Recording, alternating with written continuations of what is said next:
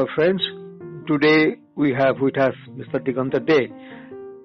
And today I would like to know more about that film, how he imagined that film, how he made it, and what he achieved after completing his project. Mr. Dey. Yeah, yeah, yeah. So, uh, Mountain Fist is my uh, fifth project, mean, the fifth film or my latest film as well. So, uh, I mean, uh, when, when the film is, I mean, we are trying to shoot. I mean, the thing is, the story behind this film is not actually is a conventional filmmaking style. What I'm trying to say that uh, when we actually planning for the film shoot, it is very much later than the film actually shot it down. So the thing is, uh, this, the film is kind of a traveler and it, it was shot on a mobile phone, which is my Xiaomi Redmi phone. And we also certified that this is our first film which was shot on a Xiaomi phone until now. So the thing is, uh, so with my phone, I I I I, uh, I went everywhere. I mean, every corner of India. When I just travel for few reasons and sometimes for the traveling on the vacation. From that time, I actually showed down to, to visual, but not not exactly the, the exactly for the kind of a purpose. So the thing is, uh, when the film is actually on my planning, it is very much later than the two years of the shot. When I actually on a Sunday, I, was planning and just uh, showing the visuals or the you know, playing the visuals on my phone. Then I found very much interesting thing, which is uh, kind of intrigued me that to make it as a movie.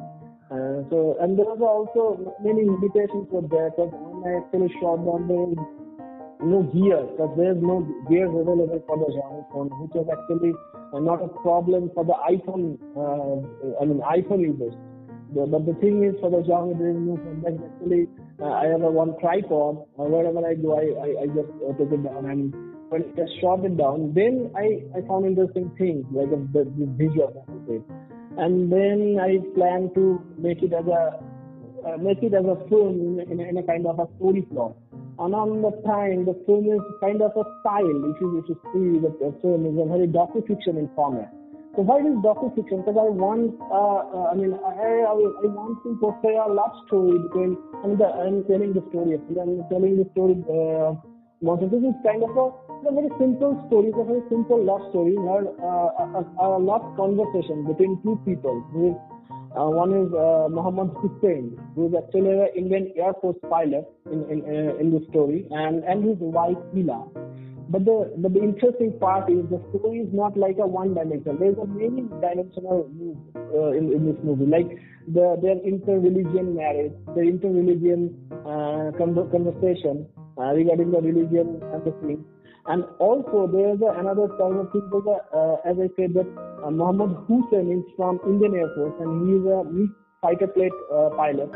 So the fighter plane actually was crashed and it's a very burning issue nowadays. And not, not nowadays, it's very issue from the decade that the new planes are so old mean, they're too old to, you know, kind of a take off. But still Indian Air Force are using this.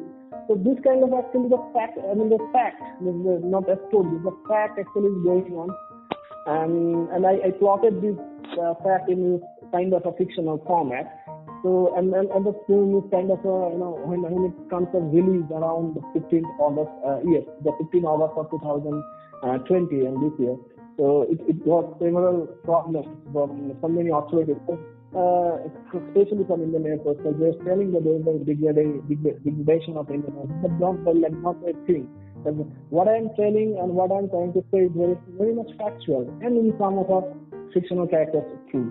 But there is no, you know, kind of a distortion of fact like that. So, I mean, there's a controversy going on with this film release and it was badly affected our release also. So that we are actually focusing to release it on a, uh, I mean, other OTT platforms uh, which, which was not from related to India.